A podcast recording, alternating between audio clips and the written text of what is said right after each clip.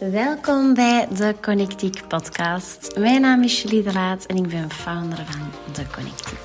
En met de Connectiek is het mijn missie om u te inspireren, om al uw dromen, al uw ambities waar te maken, maar vanuit een connectie met jezelf. Niet vanuit rush, vanuit forceren, vanuit ease en flow. Vanuit een manier die dat echt helemaal bij u past.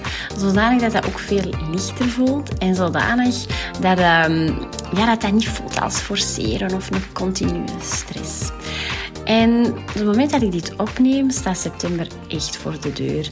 En ik ben persoonlijk mega fan van september. Dat voelt nog veel meer dan nieuwjaar als een fresh start. Misschien ook omdat ik jarig ben in september, maar een nieuw schooljaar, nieuwe schriftjes, nieuwe opleidingen die dan ook vaak beginnen. Dat geeft zo'n um, fresh vibe en echt een momentum om ook in een nieuwe versie van jezelf te stappen.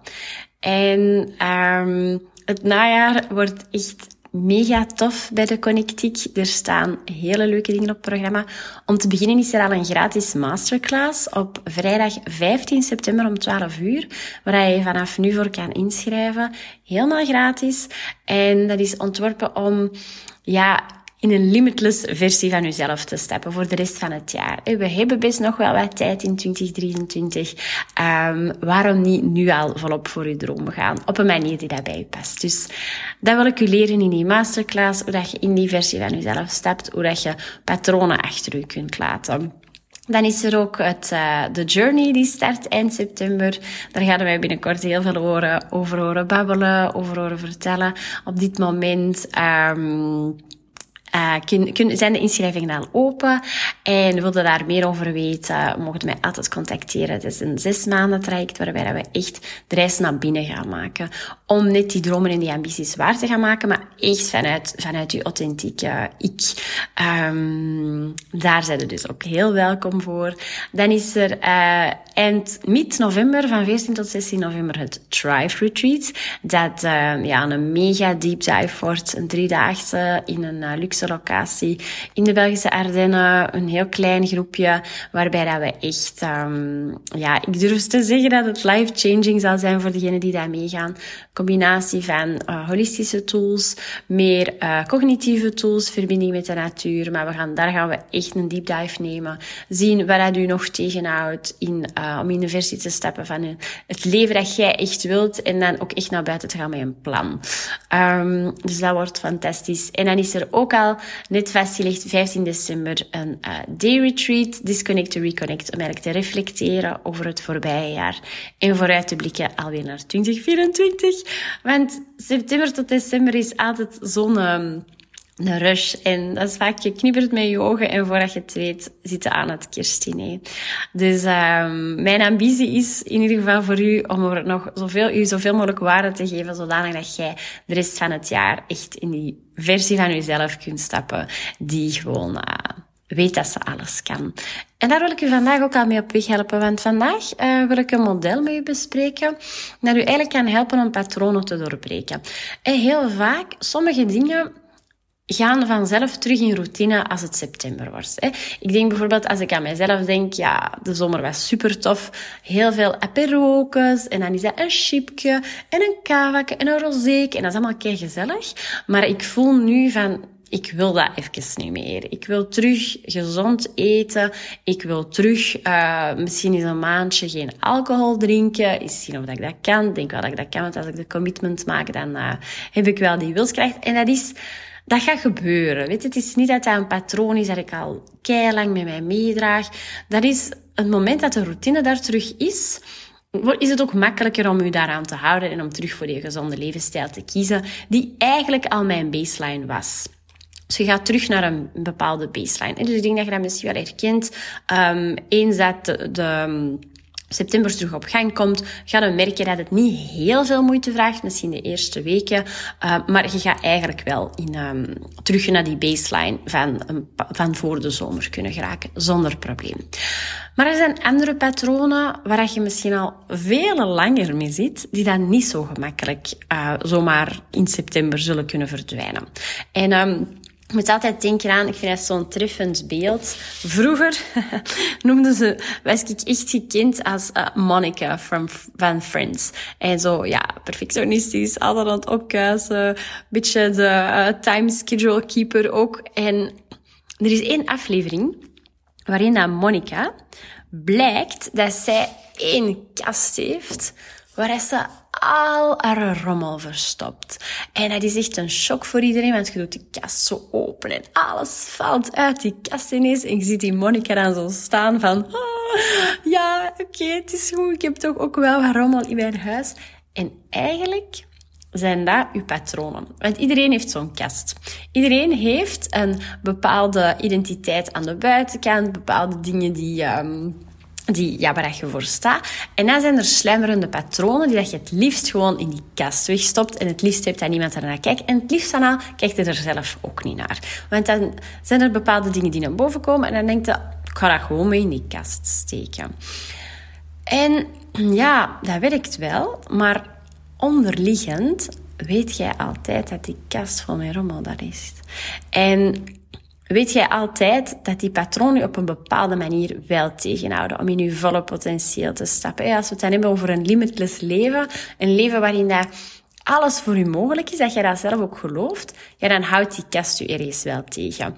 Um, waar dat je jezelf ook vertelt. En die patronen, dat kan eigenlijk echt van alles zijn. Hè? Dus dat kan eruit zien als um, niet kunnen stoppen met werken, perfectionisme, te veel sporten, pleasen, toch altijd maar een pak koeken pakken, iets te dikwijls een nieuwe jurk kopen, um, toch wel vaak, vaker dan dat je wilt, daar al zeker te veel. Eigenlijk alles wat dat te is en wat dat ook u echt aan het verhinderen is. Hè? Want dat kan allemaal eens een keer gebeuren. Dat kan allemaal twee keer gebeuren. Maar op het moment dat dat echt langere tijd terugkomt en dat je je soms ook voorneemt, ah, ik ga dat niet meer doen. Ik ga dat niet meer doen. En dat dat niet lukt, dan is er een patroon. En dan mogen we ook echt naar de onderliggende oorzaak gaan kijken. Want wat doen we vaak? dat is dan typisch zo'n moment, september. Oké, nu is het genoeg. Ik ga door op wilskracht. Ik ga dat hier eens aanpakken. En um, kom aan, vanaf nu gezond eten. Uh, vanaf nu, ik ga minder werken. Ik ga elke week naar de yoga. Ik ga mijn, uh, weet ik veel, ik ga niet meer shoppen. Wat het dan ook is voor u. Maar vaak zit daar heel veel moeten in en zit daar totaal geen zachtheid naar uzelf in. En wat gebeurt er dan? Dat werkt, want je zei iemand, je luistert je naartoe, dus ik geloof dat jij heel veel wilskracht hebt, dat je al veel hebt verwezenlijkt. En dus jij gaat dat kunnen en jij gaat ervoor. Maar dat is vaak maar van korte duur. En tegen eind september denkt je misschien, nu heb ik toch wel ja, toch wel verdiend. Nu heb ik het, nu heb ik het goed gedaan. Nu ga ik terug wat, wat andere dingen integreren. Nu ga ik toch nog één kleedje kopen. Nu ga ik toch nog eens een rozeetje drinken. Nu ga ik toch nog eens... Ja, nu, nu, ik heb al veel yoga gedaan de laatste tijd. Nu ga ik toch eens een avondje doorwerken. En voordat je het weet, zijn ze terug vertrokken. En dat is helemaal niet uw schuld, want we voelen ons daar dan ook vaak nog eens schuldig over. Dat is helemaal niet uw schuld. Dat is gewoon dat je niet de onderliggende reden hebt aangepakt van het patroon dat u tegenhoudt. En daar wil ik u vandaag doorheen lopen. Door een model, uh, dat heet de Change Triangle. En dat is iets dat je eigenlijk ook zelf kan toepassen. Dus ik ga aan de hand van een voorbeeldje u erdoor loodsen. En de uitnodiging is heel erg om voor uzelf ook een patroon te kiezen dat u vandaag tegenhoudt en dat zelf ook eens te doorlopen. Dus de Change Triangle dat is eigenlijk um, ontworpen door een vrouw die Hilary Jacobs Handel heet. Ze heeft ook een boek geschreven. It's Not Always Depression. Um, heet haar boek. Um, Discover Core Emotions and Connect to Your Authentic Self. Ik ga op Instagram ook een foto van die triangle posten. Dan kun je dat volgen hoe dat eruit ziet. Maar ik ga het ook vertellen. Bovenaan, links bovenaan in die change triangle, zitten eigenlijk al uw defensiemechanismen. Dus alles wat je doet, alles van niet helpende patronen. Dat zit linksboven. En rechtsbovenaan, dus het is eigenlijk een omgekeerde driehoek, rechtsbovenaan zitten uw verhinderende emoties. En dat zijn anxiety, dus angst, maar um, in het Engels heb je anxiety en fear. En dat is wel nog een andere nuance, dat ga ik ze iets verder uitleggen. Maar dus ik gebruik even het Engelse woord anxiety. Schaamte en schuld. En waarom zijn dat verhinderende emoties? Omdat er altijd een core emotie, een dieperliggende emotie onder zit. En dat zit dan eigenlijk van onder in de driehoek. Dus linksboven uw, uw patronen, uw defensiemechanismes. Rechts van boven uw verhinderende emoties. En dan in het puntje zitten uw core emoties. En uw core emoties, dat zijn bang, boos, bedroefd, blij. Dat zijn zo je vier core emoties. En als je die kunt doorvoelen, dan kun je naar de connected self gaan. Dus dat is een open-hearted state, een, een, een staat waarin dat je al je emoties kunt doorvoelen, of dat ze nu positief of negatief zijn, en waarin dat je dan komt tot wat, Hillary heet de zeven, de zeven C's. En dat is calm, curious, connected, compassionate, confident, courageous en clear. En dat is de staat waarin dat je dus echt connected bent met jezelf. En waarin dat je nog altijd wel emoties zult voelen. Dus je zult nog af en toe bang zijn. Je zult nog af en toe verdrietig zijn. Maar je kunt daar op een andere manier naar kijken. En je hebt die patronen niet nodig om, om dat eigenlijk um, tegen te werken. En hoe komt dat nu, hoe komt dat nu eigenlijk dat je die patronen hebt? En hoe komt dat dat je um, daar eigenlijk voor zorgt dat je die emoties niet gaat doorvoelen, maar dat je die verhinderende emoties hebt. Dus die schaamte, angst en schuld. Hoe komt dat? Twee grote redenen. Als uw kernemotie in strijd is met alles wat dat pleasing is voor anderen. dus denk aan het uh, gedrag dat, dat, waar we mee opgevoed zijn geweest, bijvoorbeeld aan uw ouders.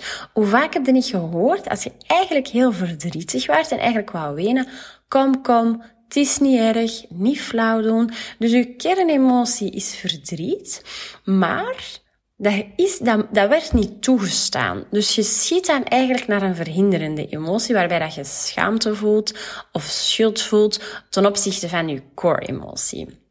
Anderzijds kan het ook zijn dat die core emotie dat die veel te intens is. En dat je hersenen je eigenlijk als mechanisme gaat, dat die die gaan uitschakelen om je te beschermen tegen de overweldiging van die emotie dat je op dat moment niet aankunt. Dus dat is een reden dat je eigenlijk, de twee redenen waarbij dat je eigenlijk van een core emotie bang, boos, blij, bedroefd, die dus onderaan in de driehoek zit, naar boven schiet naar die schuld, anxiety, schaamte.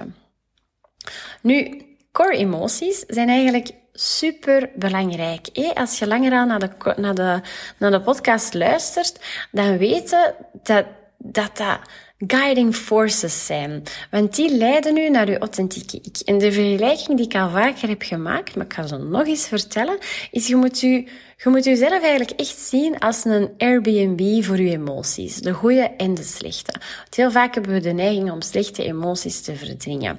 Nu, wat gebeurt er? Jij bent een Airbnb en alle slechte emoties wilde jij eigenlijk liever niet te gast zijn, want uh, ja, die maken te veel lawaai, die maken te veel amok. Dus jij sluit je deur, jij zegt nee, jij komt hier niet binnen.